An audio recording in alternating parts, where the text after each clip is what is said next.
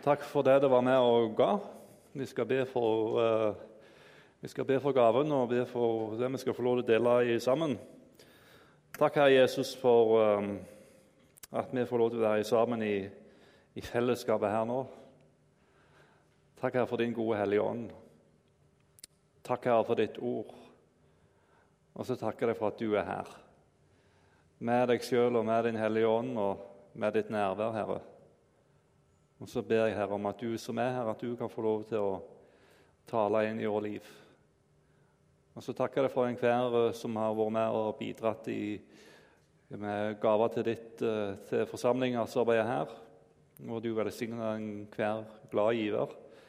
Og så ber jeg deg, Herre Jesus om eh, at du må gi oss visdom til å forvalte disse midlene på en, på en best mulig måte. til ære for ditt navn og til beste for ditt rike. Herre, det ber vi om i ditt navn. Amen. Jeg har sagt det før, og jeg kan, eh, kan godt si det igjen, at det er, et, eh, det er et privilegium å få lov til å forberede seg til, til forkynnelsen. Eh, da jeg får faktisk betalt for å sitte og lese Guds ord og studere Guds ord. Og så håper jeg jo da at det er en det jeg får, da, at jeg da òg evner å kunne formidle det til, til, dere som skal sitte og høre på en sånn måte at jeg kan ta det imot inn i, inn i deres hjerte og inn i deres liv. Og det, det, får vi være i bønn om videre i, i møtet her i dag. Eh, vi skal ta for oss i dag en av eh, lesetekstene for denne søndagen her. Men, eh, men før vi gjør det, så er det et par ting som jeg har lyst til å til å si. Uh, og vil kanskje stille deg noen spørsmål.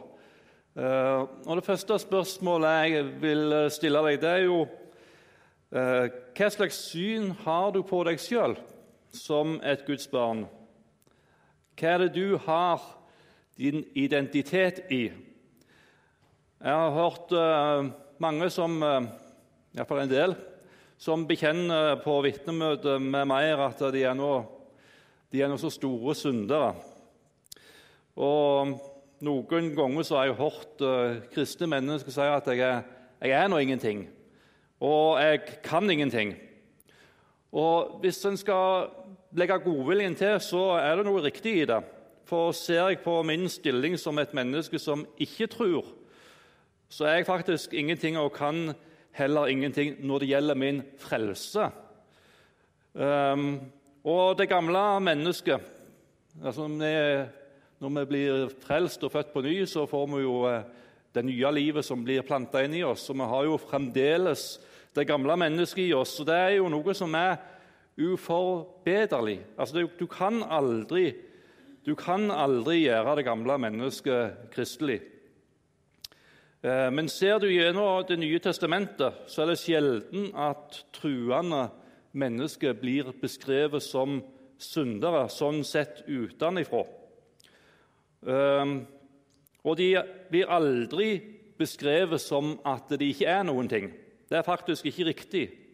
Ei heller at de ikke kan noen ting. Det er heller ikke riktig. Eh, Paulus han sier riktignok at han er den eh, og Det er på en en sånn bekjennelse av hva liv var det han kom ifra. At han er den største av alle syndere, den minste av alle de hellige. Han var ikke engang verd til å kalles apostel. Og Det sies òg i 1. Johannes brev at dersom vi sier at vi ikke har synd, da bedrar vi oss selv, og sannheten er ikke i oss. Og Det handler om å leve et liv i ærlighet og åpenhet med Gud. Men når Det nye testamentet skal beskrive de truende, skal si hvem er det disse folka er, så brukes det i langt større grad positive vendinger og ord når en skal beskrive de kristne. Og Ett av disse avsnittene skal vi ta for oss i dag, fra 1. Peters brev, kapittel 2, og fra vers 4. Og Vi skal lese til og med vers 10. Kom til ham, den levende stein som ble vraket av mennesker, men er utvalgt og dyrebar for Gud. og bli også selv oppbygd som levende steiner til et åndelig hus, til et hellig presteskap, til å bære fram åndelige offer, slike som er Gud til behag ved Jesus Kristus. For det heter i Skriften Se, jeg legger i Sion en hjørnestein, utvalgt og dyrebær. Den som tror på ham, skal ikke bli til skamme. Æren tilhører alle dere som tror. Men for de vantro er den stein som bygningsmennene forkastet, blitt hjørnestein og snublestein og anstøtsklippe. Det er disse som snubler ved sin vantro mot ordet. Til det er de også satt. Men dere er en utvalgt ett. Et kongelig presteskap, et hellig folk, et folk til eiendom, for at dere skal forkynne Hans storhet, Han som kalte dere fra mørket til sitt underfulle lys. Dere som før ikke var et folk, men nå er blitt Guds folk. Dere som før ikke hadde funnet miskunn, men nå har fått miskunn. Jeg har lyst, uh, før vi uh, går inn på teksten, å si litt om uh, hvem er det dette er skrevet til. Det kan jo av og til være litt interessant. Hvem er mottakerne av dette brevet som, som Peter her skriver? Og Da kan vi lese i, i vers 1 i 1. Peters brev, kapittel 1. Så står det at det er Peter, Jesu Kristi apostel, til de utvalgte, de som er utlendinger og er spredt omkring i Pontus, Galatia, Kappedokia, Asia og Betynia. Og Da kan vi få opp et lite kart her på veggen. Uh, først så ser vi her uh, Dette området ligger i det som vi nå kaller for Tyrkia. Hvis vi får et nytt bilde, så ser vi hvordan det så ut uh, noen år tilbake i tid. og De som fikk dette brevet, her, de, de lå i det som står Betynia, Pontus, Galatia, Asia og hva var det mer? Pontus. Ehm, og det er et ganske stort område av, eh, av eh, det vi i dag kaller Tyrkia, som, som, fikk dette brevet. Det var ganske mange menigheter som fikk dette brevet som de skulle lese opp i de, i de ulike menighetene. Og Mest sannsynlig så er dette mennesker som er blitt eh, kristne gjennom eh, Paulus sin virksomhet. Eh, vi har jo for en tid tilbake hatt en del om menigheten i Efesus, og der vi leste om at Guds ord spredde seg rundt i hele Asia. Og han, eh, Paulus hadde noen turer innom i dette området. her, eh, og Mest sannsynlig da, er det folk som da òg har kommet og hørt det han har forkynt og formidla, og så har de reist tilbake igjen til sine plasser og starta menigheter rundt i hele dette store området. Og De fleste av disse eh, som eh, fikk dette brevet, det var ikke jøder, men det var hedningekristne. Og Jeg har lyst til at du skal se for deg at de, eh, de sitter rundt omkring i disse ulike menighetene og får et brev fra Peter. De har fått tatt imot Jesus som frelser og herre i deres liv. De har fått tatt imot Guds rettferdighet. De er blitt rensa fra sitt tidligere liv. Og Dette er noe som Peter òg sier noe om i, uh, tidligere i brevet i ganske nøye ordlag. Hør bare her. Hør disse flotte ordene som blir sagt om disse hedningekristne. Og det er jo, Vi òg er jo hedningekristne. Vi er folk som er blitt innlemma blant Guds folk. Vi har jo hva det står her i kapittel 1, vers 3 og 4. Lovet være Gud, vår Herre Jesu Kristi Far, som etter sin store miskunn har gjenfødt oss til et levende håp ved Jesu Kristi oppstandelse fra de døde, til en arv som er uforgjengelig, uflekket og uvisnelig, og som er gjemt for dere i himmelen. Tenk for en start Paul Peter bruker på dette brevet her, og beskriver for disse menneskene hva er det Gud virkelig har gjort dem til. Og Videre i kapittel 1, vers 18 og 19.: For dere vet at det ikke var med forgjengelige ting, med sølv eller gull, dere ble kjøpt fri fra den dårlige ferd som var arvet fra fedrene, men med Kristi dyrebare blod, som blodet av et feilfritt og lyteløst lam. Det var disse folka her, som hadde et tidligere liv der de, eh, der de um, ikke levde sammen med Gud, der de tilba andre avguder, og der de uh, levde et liv som ikke akkurat ga adgang til, til himmelen. Men så fikk de møte Jesus. Så fikk de et nytt liv, og så fikk de ta imot det levende håp og ble rensa med Jesu Kristi dyrebare blod. Um, vi skal nå gå inn i det som er dette avsnittet vi har lest i kapittel 2. Uh, men jeg har ikke tid til å gå inn på alt. Det er ganske mange ting som står i, uh, i dette avsnittet. her. Det jeg vil bruke mest tid på, det er å si noe om de beskrivelsene på hva det Gud har gjort oss til, vi som tror på Han. Hva det Gud har forvandla oss til når vi faktisk får lov til å tro på Jesus Kristus. Men først av alt hvem er det som tror? Det står jo i, uh, i vers 6 og 7 derene, i uh, kapittel 2. Den som tror på ham, skal ikke bli til skamme. Æren tilhører altså deres, dere som tror. Noen kan jo stille spørsmålet tror jeg. Eh, har jeg ei, har jeg ei sterk tro? Tror jeg nok? For noen så er faktisk ordet 'tru' et sånn sterkt ord å ta i munnen at de ikke våger å gjøre det i det hele tatt. Men la meg si det ganske enkelt at tru er ikke en prestasjon. Tru er en gave ifra Gud. Det handler ikke om hvor sterkt vi tror, men hvem er det vi tror på? Det står i eh, Romerbrevet kapittel 10 og vers 17 så kommer da troen av det budskapet en hører, og budskapet en hører, kommer av Kristi ord. Så er det sånn, tror jeg, at det er noen som får lov til å være med og formidle Guds levende ord inn i våre liv. For å få lov til å formidle evangeliet for å få lov til å formidle Jesus inn i våre liv. Og Når vi hører om Jesus, så skjer det noe. Da skapes det en, en tillit til at det Jesus gjorde for meg, det er faktisk nok. Det er nok for dette livet, det er nok for det evige livet. Og det er faktisk det jeg trenger for å komme til Gud. Trua kommer av det budskapet en hører. En hører et budskap om Jesus, en hører et budskap om nåden, en hører om tilgivelsen. Så skaper det tru inn i vår hjerte, der vi får en tillit til at det Jesus gjorde, det er faktisk nok for meg.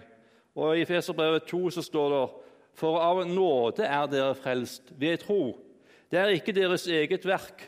Altså Trua er ikke vårt eget verk. Tru er ikke en prestasjon, det er en Guds gave.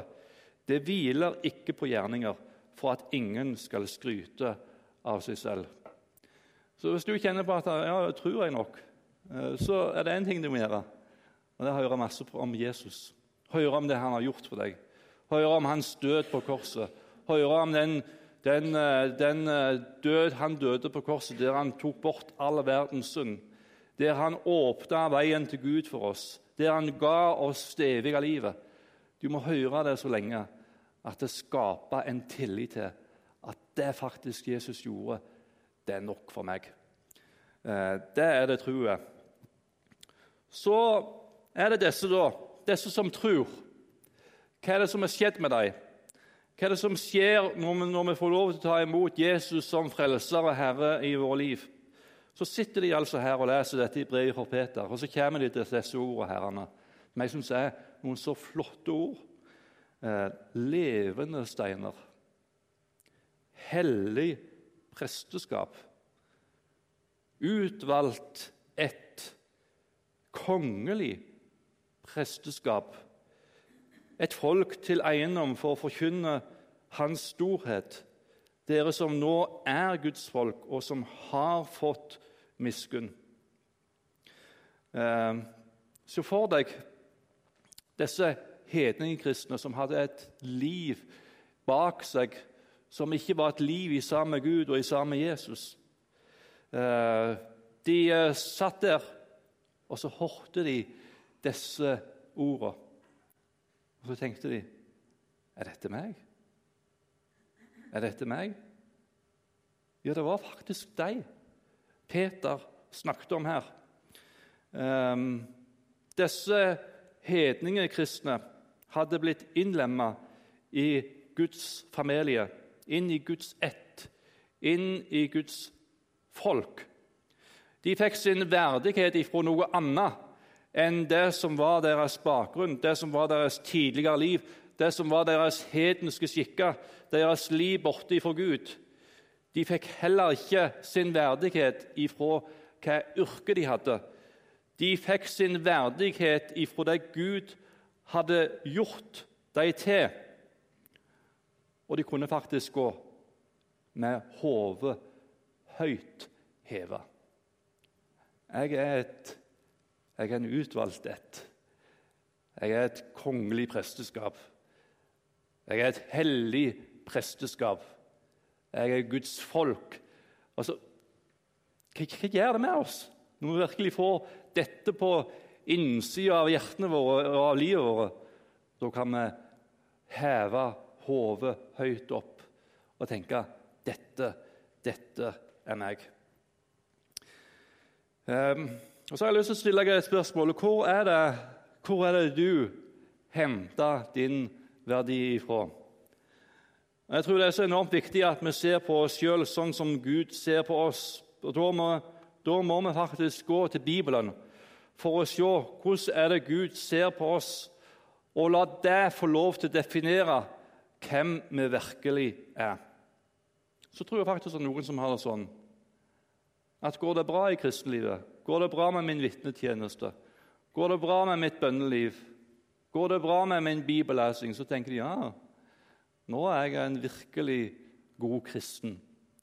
Og I motsatt fall, hvis det ikke går så bra, så tenker de som så ja, det spørs om det, det heller dette livet mitt. Um, og så tenker jeg Hvis det er sånn i ditt liv, så er det det du bygger livet ditt på, ganske så spinkelt. For livet, det skifter. Noen ganger så går det bra i vårt liv, andre ganger så går det ikke så bra. Og hvis livet da går helt i grus, hvor er det da du har din trygghet? Er det på det du bygger sjøl? Eller er det faktisk på det Gud sier til deg om hvem du virkelig er? Gud ønsker ikke at kunnskapen om hvem Han har gjort oss til, at den skal sitte i hodet. Gud ønsker at det er noe som skal flytte ned i hjertet og bli en del av oss. Ehm, han vil at vi, vi, skal få dette virkelig inn i, i vårt liv. Hva er det loven sier for noe? Hva er det loven sier? Loven sier at jeg gjør dette. Du skal, og du skal ikke. Og du skal leve. Og sagt med andre ord hvis du gjør dette, så er du trygg. Og Det er noe ganske spinkelt å bygge på det. For erfaringen vår er jo virkelig det at det er noe som vi ikke klarer. Det er noe som ikke heller mål. Um, hvor er det du har din trygghet? Eh, lever du ditt liv der på, der på, der på Sinai? Det var der Gud ga loven. da, ikke sant? Det var på Sinai Gud ga loven, der han sa du skal og du skal ikke. Og den som gjør dette, den skal leve. Og Noen lever der at når jeg klarer å leve sånn noenlunde greit, så har jeg det bra. Og Hvis jeg ikke har klart å leve sånn noenlunde greit, så har jeg det ikke bra. Så opplever han på en måte Guds frede inn i sitt eget liv. Du, du, da, lever på, da lever du på Sinai, der du, der du faktisk bygger livet ditt på din vellykkethet eller den mindre vellykkethet. Og det er, det, er en, det er, en, fryktelig plass å bo. altså. Det er ikke noen god plass å bo der på Sinai. Um, vi trenger vi trenger faktisk å flytte. Vi trenger å flytte ifra oss sjøl, og vi trenger å flytte inn i Guds ord. Der jeg, det som definerer meg, hvem jeg er, det er faktisk det Gud sier om meg. Det Gud sier om meg inn i mitt eget liv. Um, den som har fått miskunn, den som er en utvalgt ett, den som er et Guds folk, da defineres det ikke av de ytre rammene. Da defineres det ikke av om livet mitt eh, går bra eller ikke bra. Men det defineres av hva det Gud sier om meg, hva det Gud har gjort for meg, hva det Han har gjort meg til. Um, og Jeg syns det er mye lærerikt å lese i Bibelen om disse tingene, herrene, og som kan gi oss trøst inn i vårt eget liv. I 1. Korinterbrev kapittel 1 så står det, og da begynner, da begynner Paulus å skrive til denne menigheten i Korint. og så sier han Jeg takker alltid min Gud for dere, for den nåde Han har gitt dere i Kristus Jesus. I ham er dere blitt rike på alt, på all ære og all kunnskap. Og så tenker jeg ja, men hvem var denne menigheten her? Hvem var denne menigheten som Paulus skrev til Korint? Og Hvis du leser videre i, her, eh, i, dette brevet, her, så ser vi at det var mye spetakkel i denne menigheten. her. Og Det står til med at det var en som uh, lå med sin, sin altså lå med en annen manns hustru. Og det var noe som var akseptabelt inn i menigheten. Men likevel så begynner Paulus, og så skriver han til dem Jeg takker alltid min Gud for dere, for den nåde Han har gitt dere i Kristus Jesus. Nå må det også sies at det som Paulus påpeker i denne menigheten, her, det er noe som han ber dem om å omvende seg ifra. Men likevel, selv om det var en situasjon som ikke var ønskelig i denne menigheten, her, så tiltaler han dem altså, der han takker Gud for dem for den nåde han har gitt deg i Kristus Jesus. Det var det som var deres, deres identitet. Og På det grunnlaget der så kunne han faktisk formane dem, så kunne han veilede dem og gi dem noe som kunne få en annen retning for dem i deres liv. Og I, uh, i kapittel 1 i Efeserbrevet vers 3 så står det Lovet være Gud, vår Herre Jesu Kristi Far, Han som har velsignet oss med all åndelig velsignelse i himmelen i Kristus. Det står ingenting om den her nede på jorda. Legger du merke med det? Det står ingenting om at det går bra, det går dårlig.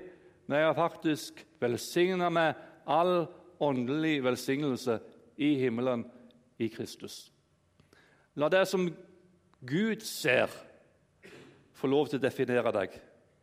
Ikke ved det som du ser, og det som er omgivelsene våre, men la det som Gud ser, få lov til å definere hvem du virkelig er. Kolosserbrevet 3,12.: Dere er Guds utvalgte. Er mener det? Hellige og elskede. Jeg har bare lyst til å si at det er, det er deilig å få lov til å bo i Guds ord. Det er deilig å få lov til å hvile i, i det som Gud har sagt om meg hva er det han har gjort meg til? Og så ønsker vi jo, det tror jeg vi alle ønsker, vi ønsker virkelig å leve til Guds ære med våre liv. Men om det går bra eller om det går dårlig, så skal ikke det få lov til å definere hvem Gud har gjort oss til. Dere er Guds utvalgte, hellige og elskede. Men la oss ta dette enda litt videre. For sånn som jeg forstår disse versene her, så handler dette en del òg om vårt liv her nede på jorda. Før vi kommer hjem til Gud.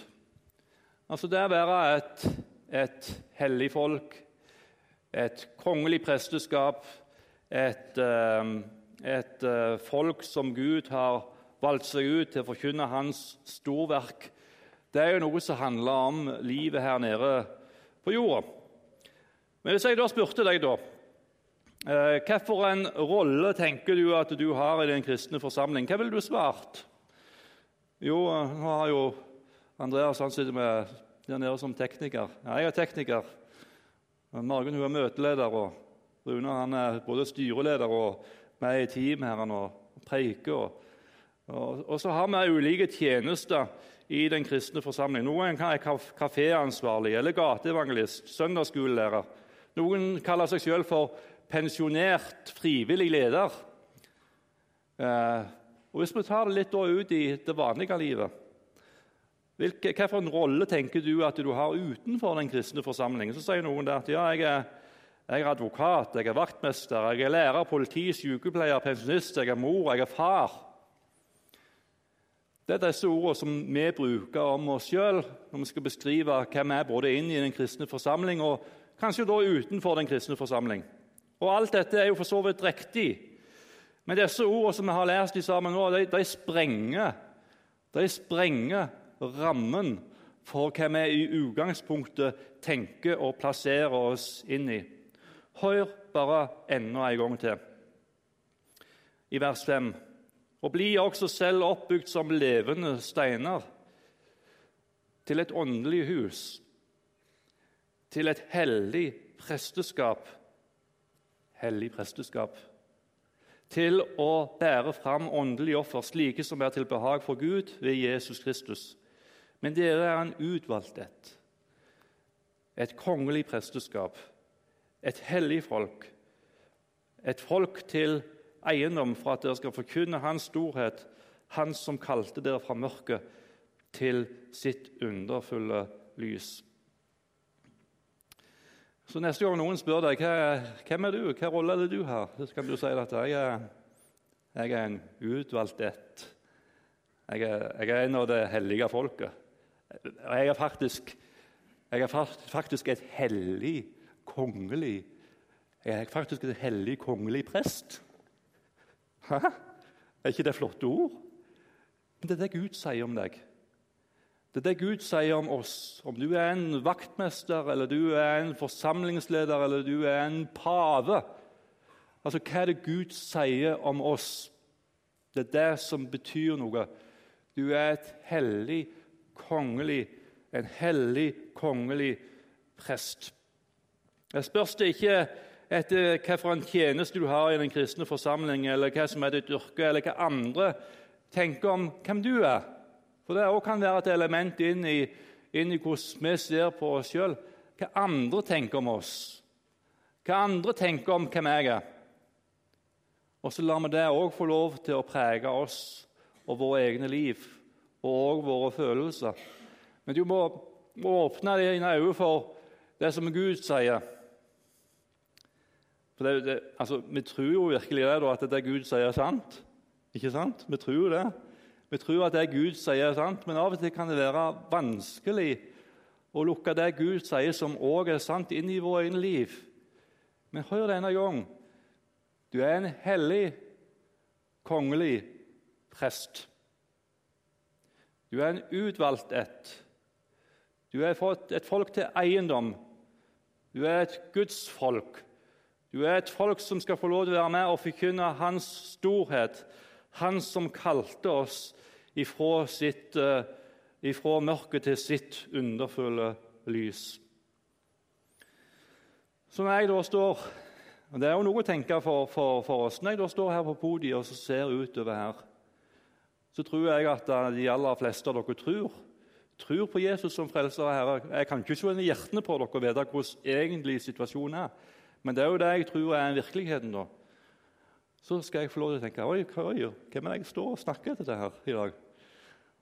Jo, jeg står og snakker til noen som er et hellig folk. Et hellig presteskap. Et hellig, kongelig presteskap. Et folk til eiendom. Guds folk. Det er de jeg står og prater til i dag. Eh, eller la, oss tenke litt videre når når vi snakker til hverandre. Når vi snakker til hverandre, så la oss ha det inn i ryggmargen vår når vi snakker til hverandre, at her er noen som er et hellig folk. Her er noen som er en utvalgt, hellig, kongelig presteskap. Når vi omtaler folk som ikke går i Betlehem, men som kanskje går i andre kristne forsamlinger her i Bergen La oss ha dette med i tankene våre, og la det få lov til å prege holdningen vår overfor andre kristne fellesskap òg her i Bergen. Her er noe som er et hellig, kongelig presteskap. De er en del av det hellige, kongelige presteskap. Og Da fortjener de faktisk å bli behandla som det. Det betyr jo ikke at vi ikke skal få lov til å uttrykke uenighet. Men jeg tror det går an å uttrykke uenighet òg i forhold til andre kristne forsamlinger som ser ting annerledes enn det vi sjøl gjør så tror jeg det går an å uttrykke det på en respektfull, på en åpen måte, som gjør at en, en opplever òg broderfellesskapet. Det var her nå i uka. Det var, en, det var en, eh, en, en, utrolig flott opplevelse. Da traff jeg en av de andre pastorene her i, i Bergen som uh, ser ting helt uh, Ikke helt, men ser noen ting litt annerledes enn det vi sjøl gjør. Og så hadde vi en prat på en time, halvannen. Og så går vi ut herrene på, på Torgallmenningen. Og så sier vi kan vi ikke bare be for hverandre her og nå. Så står vi der på Torgallmenningen. Så får vi lov til å be for hverandre og får lov til å velsigne hverandre. Så er vi fullt ut klar over at det er ting vi ser forskjellig på. Men så står jeg her og snakker altså som en som er en del av det hellige, kongelige presteskapet. Um, dette folket Om jeg snart slutter av her Dette folket her, det har et hovedoppdrag i denne verden. Og det er å forkynne hans storhet. Og dette er ikke noe som bare gjelder noen få av disse som er av dette kongelige, hellige presteskapet. Eh, men dette er noe som gjelder faktisk alle. Disse som er en utvalgt utvalgte, disse som er en Guds eiendom, disse som er Guds folk. De har fått et, eh, et oppdrag i denne verden, og det er å, å forkynne Hans storverk. Han som kalte dere fra mørket og inn i sitt underfulle lys.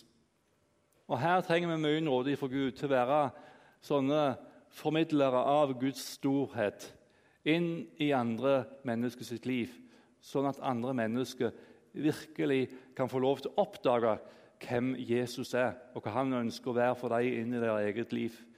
Um, og jeg tror det er noe som Her er det en stor sammenheng. For Når vi tenker vi skal forkynne Hans storhet, så tenker vi med en gang at vi skal ut på gata og evangelisere. Men jeg tror det å forkynne Guds storhet handler om noe som er langt bredere enn å bare gå rundt på gata og fortelle om hvem Gud er. Det handler om at vi i møte med de mennesker som vi naturlig kommer i kontakt med, kan få lov til å være formidlere av Guds storhet inn i deres eget liv. Og Da tror jeg òg at det er viktig at den som er en sykepleier, han, den eh, som er sykepleieren til han eller hun, at de gjør jobben sin skikkelig.